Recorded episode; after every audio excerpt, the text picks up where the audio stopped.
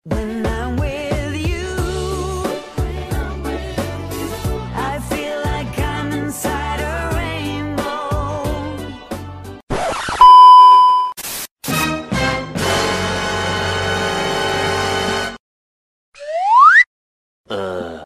the mic, open the door.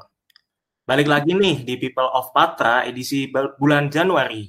Eh, pertama-tama sebelumnya aku mau kenalin diri dulu nih. Eh, kenalin nama aku Muhammad Gilang Alfian Zain, Patra 19029. Nah, di sini aku nggak sendiri nih. Aku ditemanin oleh dua co-host yang eh, sangat menarik lah. Oleh, oke, boleh ke- perkenalan dulu nih. Halo, aku Muhammad Arya Pratama, Patra 19054 sebagai co-host. Halo semuanya, kenalin aku Sela Lorenza Akbar, Patra Patra 19064 eh, juga sebagai co-host. Eh, mantap. Oke, jadi pada podcast People of Patra kali ini kita kedatangan tamu nih yang sangat inspiratif tentunya, terutama dalam kehidupannya di dalam dan di luar kampus. Nah, oke, boleh langsung kenalan. Oke, terima kasih Ar, Gilang, sama Sela. Kenalin, Muhammad Fauzan Akmal, biasa dipanggil Ojan, Patra 18083. Oke. Udah kan? Mantap, jelas Bang. Oke. Mantap. Eh, sebelumnya nih mau tanya dulu Bang, eh, gimana sih perasaannya eh, dipilih jadi eh, apa namanya pembicara dalam podcast People of Patra bulan Januari ini? Oh, perasaannya ya? Perasaannya sebenarnya agak kaget sih sebenarnya. Soalnya Sela ngontaknya katanya banyak yang penasaran sama Bang Ojan katanya. Kayaknya nggak ada yang penasaran gitu menurut gua. Itu sih sebenarnya kaget sih dan ya merasa terapresiasi lah, alhamdulillah. Makasih lah teman-teman. Oke, eh, oke. Eh, setelah itu eh, sekarang Bang Ojan kesibukannya lagi ngapain nih? Sama keadaannya mungkin?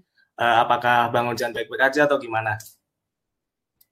Hmm, sebelum gue ini dong, kalian kabarnya gimana dulu? Baik kan? Gitu aja dulu. Kalau dari aku sih, alhamdulillah baik. Eh, Ya gimana? sehat, alhamdulillah. Alhamdulillah, baik. Alhamdulillah. Alhamdulillah ya, Baik juga bang. mantap. Alhamdulillah. Kalau dari aku sih ya alhamdulillah baik. Sekarang lagi di rumah. Bukan sekarang lagi banyak-banyak belajar hal baru. Terus juga lagi ada kerjaan baru juga. Eh, Lagi ada bisnis baru. Udah sisanya nikmatin liburan sama benerin pola tidur dan olahraga. Eh, benar banget. Soalnya kalau misal eh, di luar liburan kayak gini susah banget sih kalau misal mau apa namanya me time, benerin olahraga kayak gitu sih. Kayak Mm-mm. mesti ke keganggu sama aktivitas-aktivitas kegiatan-kegiatan di kampus, akademik kayak gitu sih.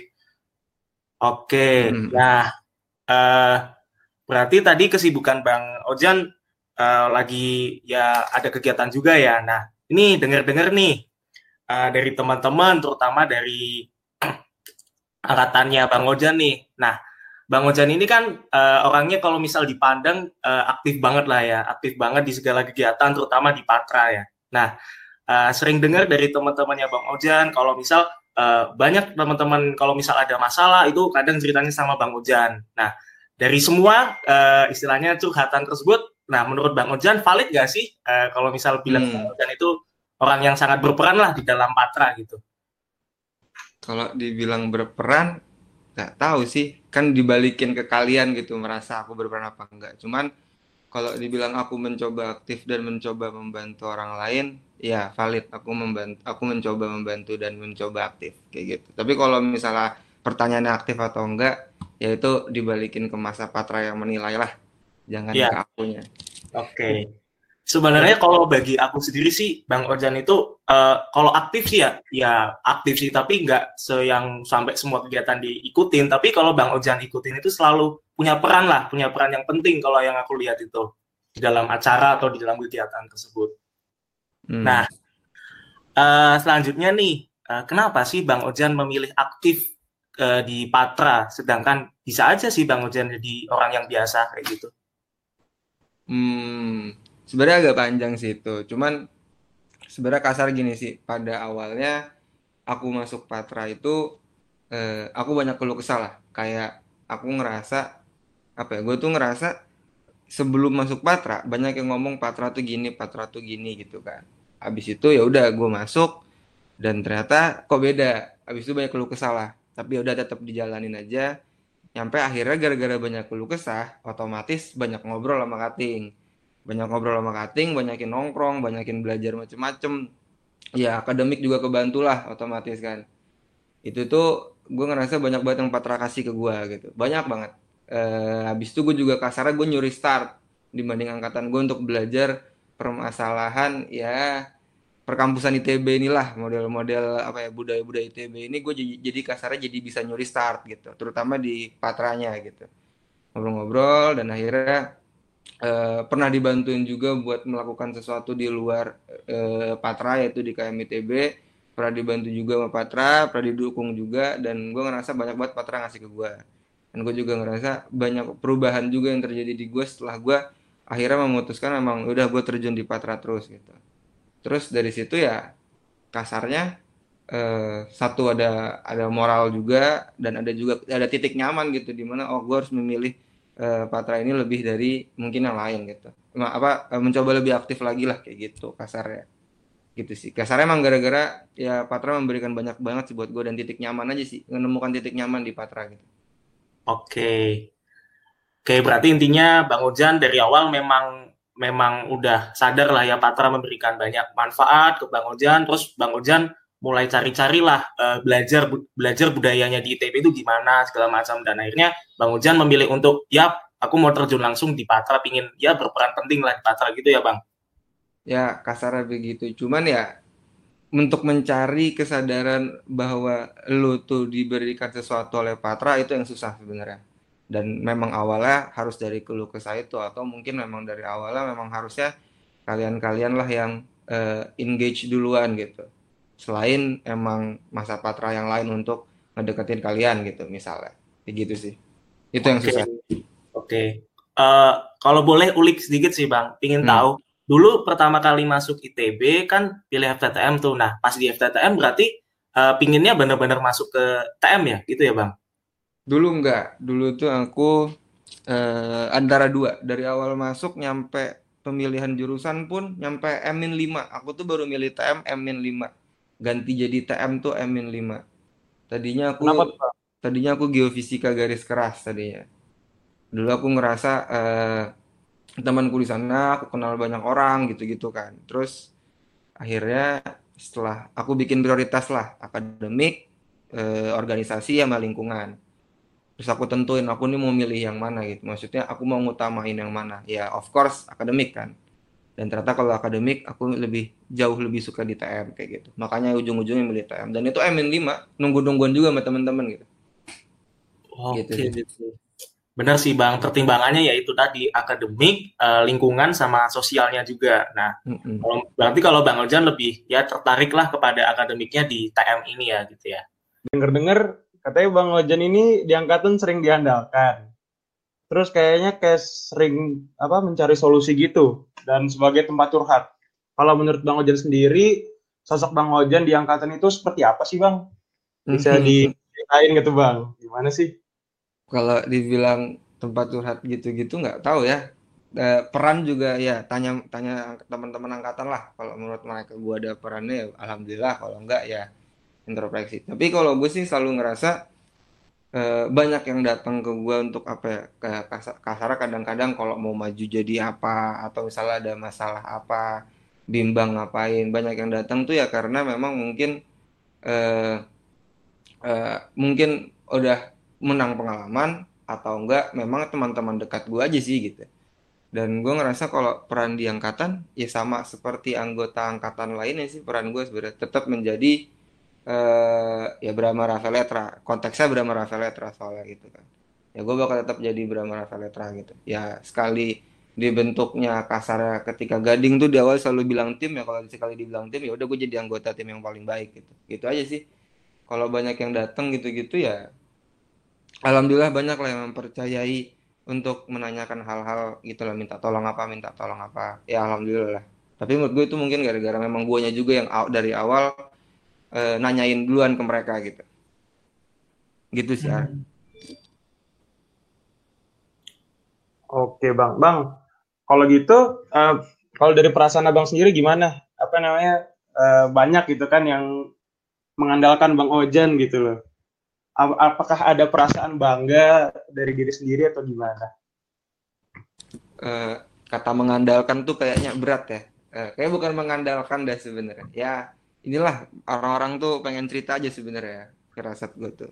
Tapi kalau dari perasaan dia siapa sih yang nggak senang? Namanya juga manusia kan? Ketika orang apa ketika orang lain datang untuk meminta pendapat dan memang kasarnya juga di awalnya dia memuji lah apalah gitu. Dengan ya kasarnya membawa hal yang positif siapa sih manusia yang nggak seneng gitu? Aneh kan kalau nggak seneng gitu. Cuman eh, lama kelamaan tuh perasaan yang paling terbebani sih kadang-kadang tuh ini salah ngomong nggak ya? Gitu. Ini ini orang gini nggak ya? Gitu. Dia mikir apa ya? Gitu. Kadang gue juga terlalu fokus ke sana juga sih kadang-kadang kayak gitu. Tapi ya pada dasarnya ingatnya ini sih yang penting tuh bantu teman aja gitu. Berarti dasarnya adalah yang penting bantu temen ya. ya yang penting bantu teman. apa yang bisa dikasih ya lu kasih gitu Mantep banget deh pokoknya Bang Ojan nih. Senang membantu teman. Oke Ya, Bang, yes. ada pertanyaan selanjutnya nih. Kalau Patra di mata Bang Ojan sendiri tuh gimana sih Bang? apa apa di mata gue Patra di mata Bang Ojan tuh Oh. gimana sih Bang? sebenarnya udah berkali-kali gue bilang sih eh dulu gue menganggap dulu gue menganggap himpunan itu rumah dulu gue menganggap himpunan itu rumah terus makin sadar ya apa ya membuat himpunan jadi rumah itu susah gitu. Dan menurut gue terlalu ideal. Tapi tergantung definisi definisi rumah kalian masing-masingnya tapi kalau buat gue rumah bener-bener itu kembali yang itu itu menurut gue kayaknya susah. Dan gue ngelihat ternyata himpunan itu sebenarnya kayak ya kayak bahtera lah kayak kapal. Kan gue sering banget tuh ngomong bahtera bahtera. Itu sebenarnya analogi itu muncul setelah ngobrol sama ya kating-kating lah setelah ngobrol sama teman-teman juga bercandaan-bercandaan dapat analogi itu bahtera. Jadi analogi gue tuh bahtera gitu. Gue tuh selalu melihat Patra ini sebagai bahtera. Bahtera yang kayak gimana sih? Jadi gue ngeliatnya bahteranya punya banyak kamar nih. Nah kamar-kamar itu tuh isinya ya udah tuh, kalian mau jadi apa? Kalian mau ngapain? Kalian mau berkembang di mana? Mau di bagian keilmuan keprof kah? Kalian mau ngerti kader-kaderan kek? Mau ngerti apa lagi? Pengen ketemu alumni pengen ikut lomba eh, butuh bantuan akademik butuh bantuan apa? Eh, finansial butuh bantuan sosial. Kalian mau ngomongin sejarah Patra kalian mau ngomongin apa kamar itu tuh ada semua di Bahtera itu. Kalian tinggal pilih gitu. Jadi kasarnya di Bahtera itu udah ada semua gitu. Yang susah tuh kalian mau masuk kamar yang mana dan kalian mau masuk kamar itu apa enggak gitu. Nah gue melihat himpunan ini dari Bahtera ini yang- nganterin kita di tujuan yang menurut gue juga tujuannya beda-beda ada yang mau ikut si Bahtera ini nyampe tujuan A, ada yang mau ikut nyampe tujuan B, ada yang mau ikut nyampe final destination-nya dia gitu. Nah, gue melihatnya gitu sih. Tergantung orang yang ada eh, yang yang ngikut si Bahtera ini juga. Jadi gue mesti melihat himpunan ini kayak Bahtera besar yang nyedain apa semuanya, tinggal lu padanya aja maunya kayak gimana gitu. Kayak gitu sih. Ngerti nggak analoginya? Mantap. Berarti Bang, berarti bagi Abang ini si Pat- Patra ini adalah sebuah Patra yang berjalan bersama-sama yang di dalamnya eh, banyak banyak eh, fasilitas-fasilitas bagi para anggotanya seperti itu Bang ya. Maksudnya gitu Oh, kan. Mm-mm. Tadi sih aku kepo sih tentang yang katanya Bang Ujan itu udah awalnya udah belajar tentang belajar atau curi start dulu lah tentang Hmm. ilmu organisasi di, di ITB gitu. Itu di- belajar apa ya Bang? Maksudnya aku masih Oh, kepo gitu loh. Eh, iya iya. pengalamannya gimana gitu Bang? Jadi dulu tuh aku sempet kalau kalian tahu aku sempet mau ngawis pusat, ya kan? Oh itu ya gagal dan sebenarnya gagalnya mungkin atas perintah Allah juga kali itu ya. Alhamdulillah gagal gara-gara corona muncul gitu kan Wispril pusat waktu itu. Nah itu tuh waktu itu mau maju Wispril itu tuh banyak banget belajar gitu. Apalagi dari abang-abang 16 sama 17. Ya abang-abang kalian sekarang juga lah ngobrol banyak sama mereka wawancara. Ya modelan kultur ITB aja sih. Dan tools-tools yang ternyata bermanfaat banget nyampe sekarang gitu. Kayak misalnya ya alur berpikir itu hal yang biasa lah ya. Dan menurut gue juga itu bukan yang wow wow amat sih. Gimana cara ngedraft yang baik terus apa gimana cara menganalisis kondisi dengan baik, tools-tools kayak gitu, terus mengetahui kultur si patranya gimana, otomatis juga kita tahu kalau waktu itu kan gara-gara mau ngawis pusat, eh, ya sempat ngobrol waktu itu sama Menko Menko juga, sempat ngobrol bareng orang-orang himpunan lain juga, sempat kenangor juga bahkan ngobrol sama eh, apa namanya Kahim di Nangor gitu kan, sama ngobrol sama ada beberapa orang juga di Nangor, nah belajar juga KMITB itu kayak gimana, terus si kabinetnya gimana gitu kan. Ya ngeliat lah sebenarnya di ITB itu eh, sistem organisasinya kayak gitu tuh gimana gitu. Dan udah alhamdulillah dapat big picture duluan gitu dan ya mungkin itulah eh, alham apa keuntungan waktu itu nyuri startnya gitu gitu maksud gue tuh Oke. Oke. Ada banget sih, Bang. Soalnya aku pun yang baru apa ya istilahnya baru dapat ilmu-ilmu tentang analisis kondisi, terus ngedraft yang baik ya baru dikenalin pada saat pertama kali masuk di Patra ini. Jadi sebelumnya di SMA pun nggak sama sekali, jadi beda banget gitu. Iya sih benar. Oke, Bang, kan kemarin-kemarin kan Bang Ojan tuh pernah ikutan sekolah dan lab nih. hmm. Nah, sekolah dan lab itu tuh eh, apa sih value yang abang dapat? Terus itu tuh merubah hidup abang nggak dari awal dulu sampai jadi abang yang sekarang? Eh, sekolah dan lab ya kayaknya cukup susah dijelaskan dan rahasia juga kayaknya. Nggak tahu sih. Tapi tapi udah apa yang gue dapetin tadi kan pertanyaannya. Nggak ada hubungannya Iya. sama sekolah dan lab ya berarti kan? Kalau yang gue dapetin itu satu pengorbanan. Banyak banget yang dikorbanin. Eh terus yang kedua jauh lebih kenal diri sendiri gitu. Kenapa? Karena ngelatih emosi waktu itu tuh. Ngelatih banget emosi. Capek eh ya kasar udah capek lah eh, emosi juga itu ngelatih banget jaga emosi dan akhirnya gue tau lah diri gue tuh kapabilitasnya nyampe mana. Dan di situ juga gue akhirnya eh, dapat eh, lebih kuat lagi di tiga prinsip hidup gue gitu. Jadi ternyata di sana tiga prinsip hidup gue tuh kasarnya dites jadi gue punya tiga prinsip hidup. Yang pertama itu ketika lo pengen berdampak, lo berdampak se- secara berkelanjutan dan se- se- sekecil mungkin gitu di lingkungan lo. Itu prinsip yang pertama. Jadi di mana ketika gue ada, ya setidaknya Ojan tuh ninggalin sesuatu yang berkelanjutan gitu. Jadi ketika gue berdampak, eh, seharusnya gue bisa berdampak yang berkelanjutan. Terus eh, habis itu gue melihat bahwa semua hidup itu yang ada di hidup itu masalah dan itu dites bener-bener dites di sekdan menurut gue.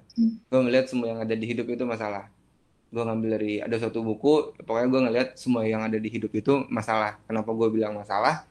Eh, karena gue selalu menantikan apa yang akan gue pecahkan nantinya gitu. Dan selama ini gue melihat eh, kena sebenarnya yang dikatakan solusi oleh manusia itu adalah masalah yang sebenarnya nyaman untuk diambil. Tapi beda-beda ya. Menurut orang kan beda-beda. Ini kan prinsip hidup gue gitu. Ya kalau gue melihat suatu solusi adalah buat gue tuh masalah yang paling resikonya paling dikit dan paling nyaman untuk diambil gitu kan gitu sih. Ada satu lagi ya ini ini ini gua doang sih sebenarnya. Susah ngejelasin apa versi buk eh, po- porsi bukan versi kalau kalian mau tahu. Porsi bukan versi. Dan itu di gue dapat dan ditekankan kembali gue dapat di sekdan itu. Dan kalau kalian mau tahu setiap orang bakal mendapatkan hal yang berbeda di sekdan gitu. Nah porsi bukan versi ini gimana? Jadi kasarnya gue 0 sampai 100 Ojan tuh 0 sampai 100 gitu. Ojan tuh 0 sampai 100 eh gua ngobrol sama kalian, gua ngasih Ojan yang 0 sampai 80. Gua ngobrol sama orang tua gua, gua kasih Ojan yang 0 sampai 99,9. Gua ngobrol sama teman-teman gua, gua kasih dari 10 nyampe 99. Gua ngobrol sama siapa? Eh, abang-abangan gitu. Gua kasih misalnya 20 nyampe 100 gitu. Gua ngasih persenan yang berbeda-beda, porsi yang berbeda-beda, tapi gue tetap jadi Ojan yang 0 sampai 100, ya kan? Paham nggak? Paham, paham, paham. Keren Nah, banget sih. Bedanya sama versi adalah kalau gua ke lu gua A, ke Gilang gua B, ke Arya gua C. Nah, gua kasarnya eh, prinsip itu yang menjaga gue tetap ya jadi ojan gitu, tetap jadi ojan yang benar-benar ya murni jadi ojan. Itu gue dapet semua dari sekdan. Eh, dan sebenarnya gue bikinnya itu dari lama, tapi gue dapet banget dan kena banget itu di sekdan ketiga itu tiga-tiga kena lagi kalau padahal materinya materinya agak beda sama yang gue dapetin tapi tiga-tiga hal itu gue rasain dan gue dapet banget di sekdan kayak gitu sih Wah, berarti sekden ini kayak apa ya istilahnya meyakinkan abang sama tiga prinsip yang udah dibangun dari awal gitu ya bang. Mm-mm. Ya, sama dapat ini sih, jelas dapat cinta sama Patra, makin Oh. lagi ya sama jelas kekeluargaan ya anak-anak sekdan sih itu itu itu mah itu jelas kan. Tapi kalau buat yang gue pribadi yang tadi sih. Hmm, oke oke bang. Nah kan tadi kita udah ngobrol-ngobrol nih tentang kegiatan bang Ojan di Patra. Kan nggak mungkin banget dong kalau hidupnya bang Ojan kayak cuma Patra doang. Nah kita pengen Hmm. tahu nih bang eh, kegiatan di luar Patra tuh yang sedang abang jalanin apa aja tuh bang? Hmm, di luar Patra ya. Mm-mm. Hmm, masih masih bantu-bantu juga di SPI di field trip.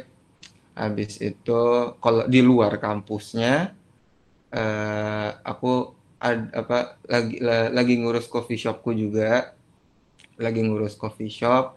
Terus sempat aku juga sebenarnya anaknya serabutan banget kalau bisnis eh, ngikut temen sini, ngikut temen ini, jual ini. Kalau Idul Adha, Idul Adha jualan kambing lah apalah. Jadi ada yang serabutan, ada yang memang aku jalanin pakai value dan pakai hati gitu. Terus apa lagi ya? Eh, sempat kemarin dipanggil jadi pemateri, alhamdulillah. Terus sempat ngadain sosial-sosial project juga sama teman-teman SMA. Kayak di Patra itu doang deh. Iya. Sisanya ya ya gitu-gitu aja main-main aja. Wah keren keren. Kalau buat tadi, tadi kan bang Ojan bilang eh, diundang jadi pemateri nih kalau boleh tahu apa tuh bang materi apa? Kenapa? Kenapa? Oh, pemateri. Mm. Waktu itu dipanggil sama temanku di UI. Sebenarnya nggak terlalu formal itu acara. Aku juga ngerti itu acara basisnya apa. Cuman waktu itu dipanggil buat ngajarin dia eh, si mind flow itu sebenarnya. Gimana sih cara membuat dokumen yang baik dan lain-lain gitu lah. Gitu sih. Jadi ada temanku mau maju, jadi dia bawa sama teman-temannya juga. Nah, harus aku ngisi gitu. Wow, berarti Bang Ojan keaktifannya dan eh, apa ya keren dalam alur berpikirnya udah terkenal di luar kampus juga nih ternyata. Nggak tahu tuh orang-orang tahu dari mana nggak tahu juga. Sebenarnya nggak segitunya sih, masih banyak yang lebih jago. Aku juga masih belajar kok gitu.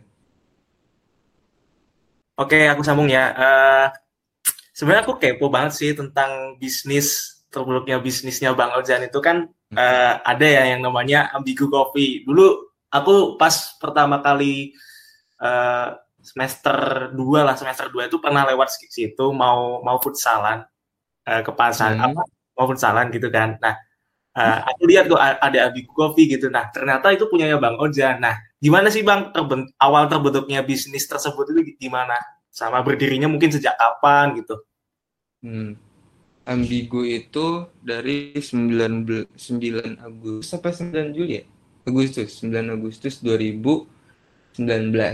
Jadi kita kemarin baru anniversary. Ah, jadi dulu tuh awalnya, sampai sekarang masih berdua sih. Jadi awalnya tuh kalau kalian kenal, ada namanya Bang Ojan juga. Ojan Tera 17. Waktu itu lagi nongkrong-nongkrong sama dia, ngobrol-ngobrol, eh, sempet itu ngerembet lah, eh, gue pengen bisnis nih dan lain-lain. Dan ternyata dia udah ada konsepan si Ambigu Coffee ini. Di situ aku masuk tuh dengan latar belakang aku pengen sekali punya bisnis yang emang ada value-nya, emang aku suka juga si kopinya, dan kasarnya emang saatnya aku belajar eh, maintain suatu bisnis yang memang buat long term gitu loh, gitu. Jadi di situ aku memang benar-benar latar belakangnya buat belajar dulu. Di situ aku nggak sama sekali belum ngincer materinya lah, belum ketampar duitnya lah kasar gitu. Jadi aku bener-bener ngincer belajar.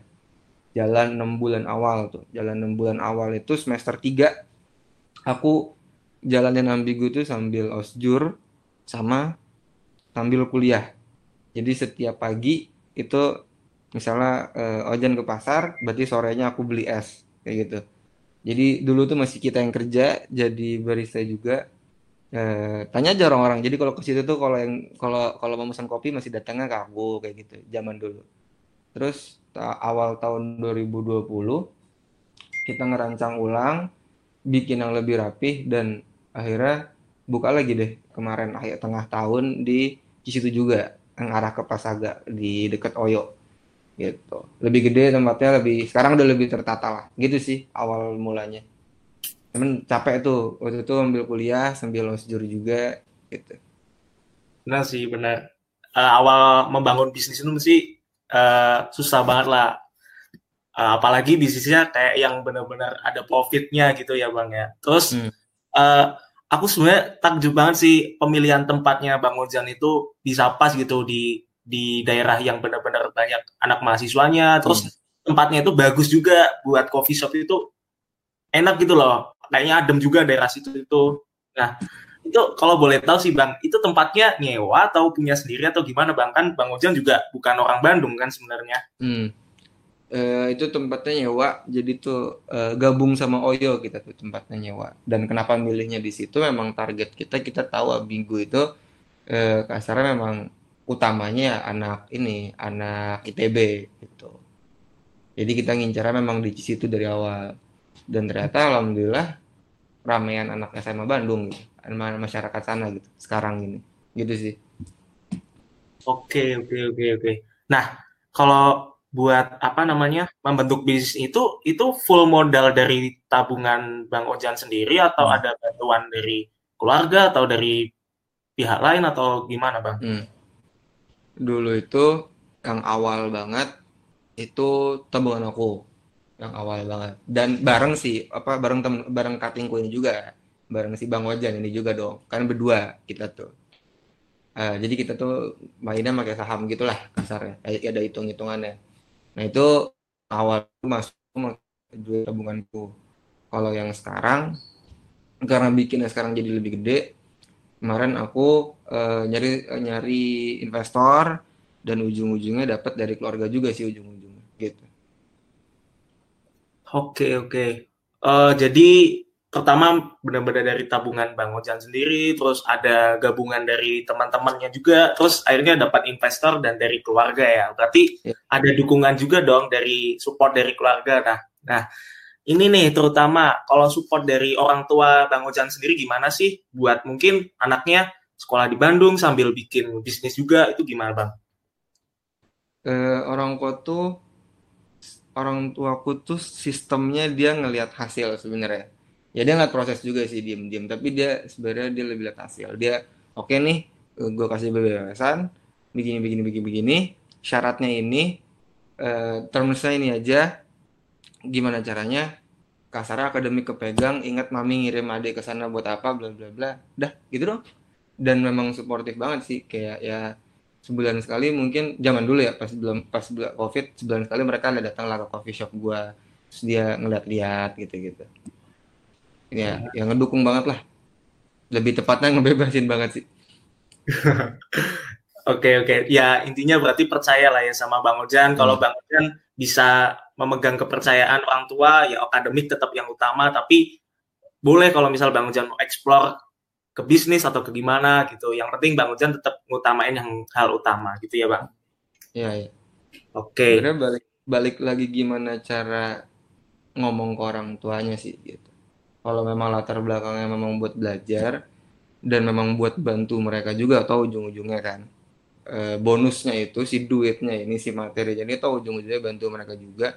Dan memang latar belakangnya murni buat belajar buat aku nggak ada masalah sih buat orang-orang yang mau nyeimbangin hal itu gitu.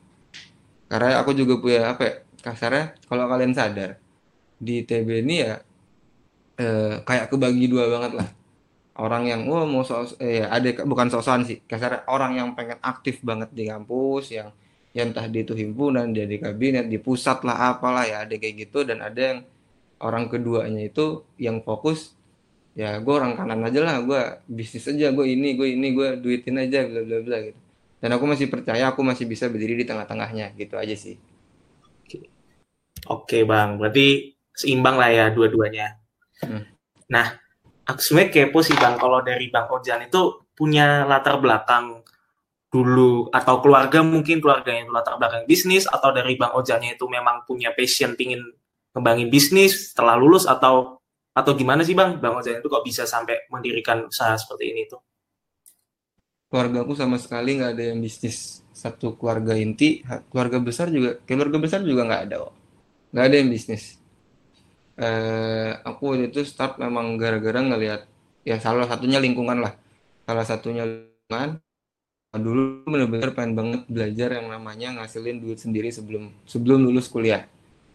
Karena dulu aku ngerasa kok gue boros banget kok gue banyak mau tapi minta doang gitu kan. Ya, sekali-sekali gue juga harus bisa gitu kan. Jadi kasar aku harus belajar dulu. Ada ada ada ini ada pepatah. Albert Lincoln apa eh, apa Abraham Lincoln apa kalau nggak salah dia bilang kalau misalnya dia dikasih waktu enam tahun buat eh, enam jam buat motong eh, sebuah pohon satu jam pertama tuh dia pakai buat ngasahin si eh, kapaknya dia itu gitu kan. Nah itu sebenarnya aku pakai dari situ gitu. Ketika karena aku tahu nanti abis lulus nih aku tetap pengen ngembangin bisnis ya udah satu tahunku ini aku pakai dengan kegagalan ups and down aja di bisnis gitu. Jadi memang latar belakangku memang pengen bener-bener belajar gitu karena aku tahu di ujungnya nanti aku tetap pengen ngejaga gimana caranya bisa seimbang. Walaupun nggak bakal bisa seimbang juga sih ujung-ujungnya ya. Setengah-setengah juga lah gitu. Nah ya aku berharap di ujungnya nanti ya aku tetap punya moral buat Bismillah kerja di minyak di oil and gas dan lain-lain gitu kan. Tapi aku juga pengen punya sampingan di mana aku juga ya dapat bonus lah dari bisnis itu. Gitu sih.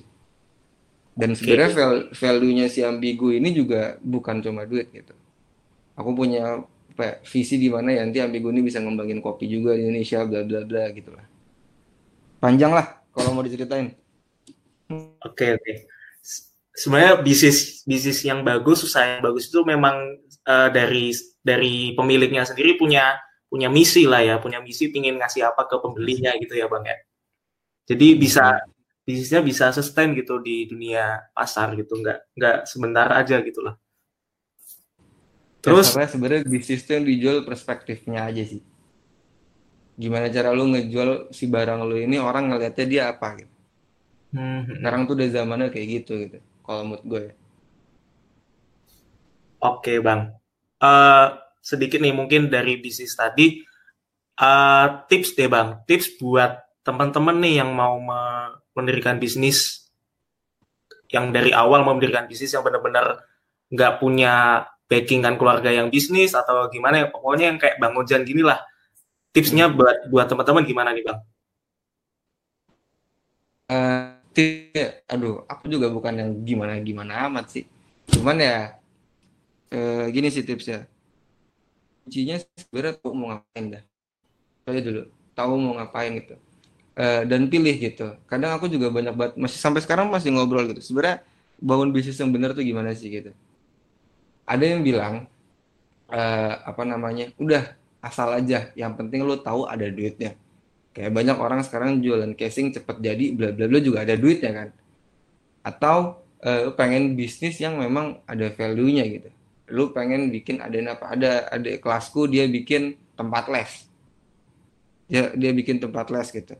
Ada yang bikin eh, apa? eh, privat biola gitu. Ya kan? Itu tergantung sebenarnya tahu dulu mau ngapain ya. Dan kalau memang tidak ada latar belakang bisnis tadi, tidak ada dukungan keluarga juga bla bla bla ya menurutku why not make perkataan yang tadi motong pohon tadi gitu punya hidup panjang apa salahnya satu tahun dipakai buat ngasain pisau lo kita ngasain pisau lo itu apa sih ya nambahin ilmu ya dulu. Belajar aja dulu sebelum terjun benar-benar terjun. Gitu sih. Kalau tips aku tuh ya udah aku pakai emang disebut belajar. Apa pun yang terjadi rugi atau untung belajar dulu. Dan emang ditargetin setahun ini emang buat belajar. Gimana caranya? Tahun ke depannya udah udah bukan lagi waktunya buat belajar. Kayak gitu sih. Sebenarnya tahu aja sih mau ngapain itu loh. Gitu sih.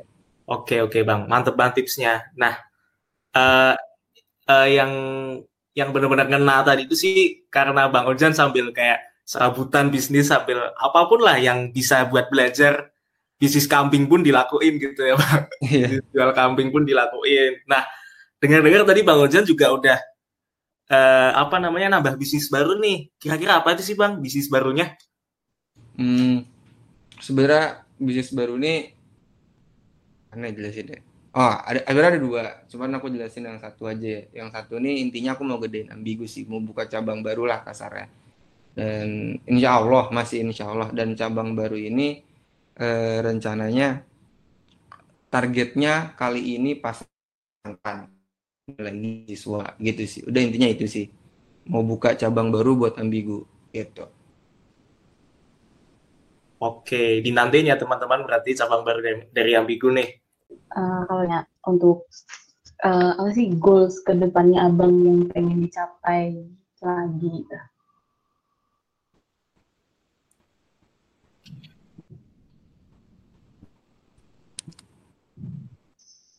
Ini goals ke depannya ya? Selama Iya. kuliah atau nyampe akhir hayat? Eh, jangka pendeknya aja dulu. Oh, jangka pendek berarti ya. Eh, tahun ini aku ini lepas dari orang tua, benar-benar murni ya, benar-benar murni lepas dari orang tua. Target pertama. Eh, itu buat dalam segi bisnis juga ambigu udah harus mulai sustain lagi, udah harus bounce back dari corona inilah kasarnya. Habis itu ada sosial programku yang belum kelar-kelar kerjaannya bareng teman-teman SMA dan itu harus kelar. Dan itu tuh memang targetnya lumayan gede. Dan eh, satu tahun ini yang paling penting buat aku eh, gimana caranya bisa bangun Patra lagi. Gitu aja sih. Satu tahun ya. Kalau nyampe lulus banyak target gue banyak banget. Hidup tuh harus punya target kecil banyak sih sebenarnya. Gitu. Eh, kalau satu tahun kalau satu tahun ini begitulah. Aku aku kayaknya lebih ditik-tik beratkan tulis garis apa garis bawahin tuh ini eh, ngembangin Patra lagi sih Eh, ini kan tadi Bang Ojan kan udah ngejelasin tentang bisnis, terus Bang Ojan juga terdengar cukup banyak relasi sana sini gitu. Tips-tipsnya buat kita yang bisa dipelajari gitu buat menjalin relasi sama manajemen waktunya tuh gimana sih Bang? Oh, oke oke.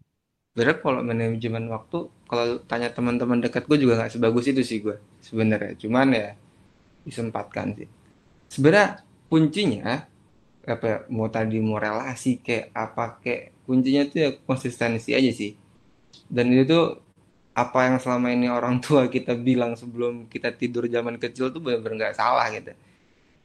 Yang penting konsisten, yang penting usaha terus, konsisten, konsisten, konsisten. Karena mau baca nih ya, eh, ini mungkin aku agak berbeda nih pendapat sama orang lain.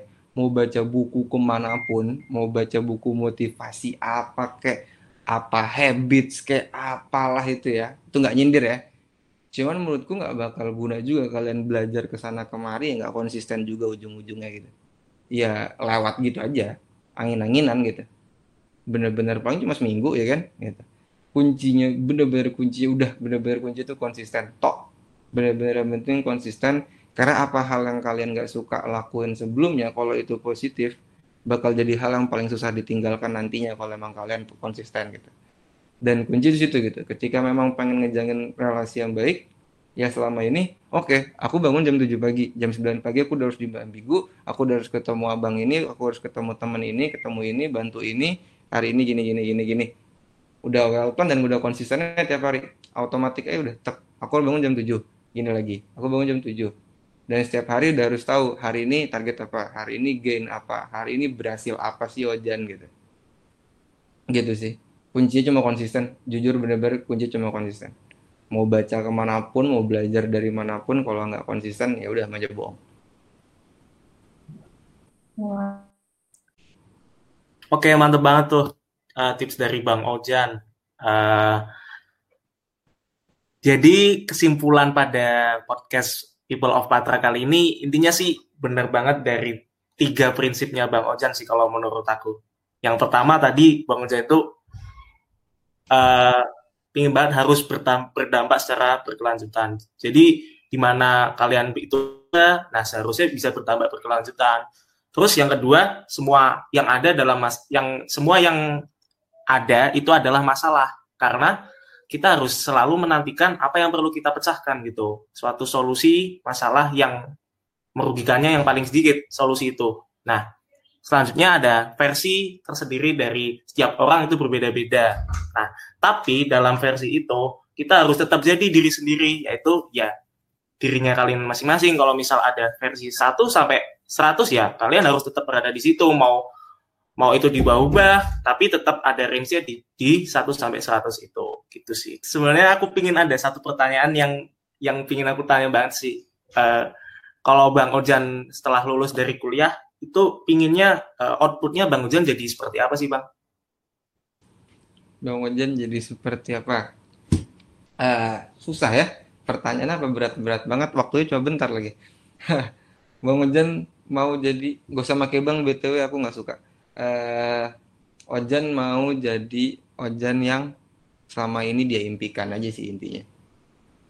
Aku mau sesimpel tiga prinsipku tadi aku jalanin sebaik mungkin. Udah gitu aja sih. Gak nguluk-nguluk hal lain. Karena aku yakin kalau misalnya aku berjalan di jalan yang benar, ya udah. Ke depannya juga kasar apa ya? Kalau aku ngincer sesuatu dengan menghargai proses itu gitu ya, ya aku bakal lebih dapat, aku bakal lebih besar daripada apa yang aku incar sebelumnya gitu. Gitu sih. Aku percaya itu. Jadi kalau ditanya Bang Ojan mau jadi apa setelah lulus, ya udah sesimpel jadi Ojan yang paling aku idamkan se- setelah aku lulus kuliah. Nanti habis kerja juga gitu, jadi Ojan yang paling aku idamkan setelah dia kerja. Gitu aja sih. Oke, mantep banget sih Bang. Eh, Oke, makasih buat teman-teman yang udah dengerin. Makasih buat Bang Ojan yang udah bersedia buat jadi pembicara di People of Patra kali ini. Makasih juga buat makasih. yang ada di balik layar yang udah membantu terciptanya podcast kali ini. Eh, terima kasih dari aku dan mohon maaf bila ada kesalahan. Sampai jumpa di podcast kita selanjutnya. POP Mania. Mantap. Mantap.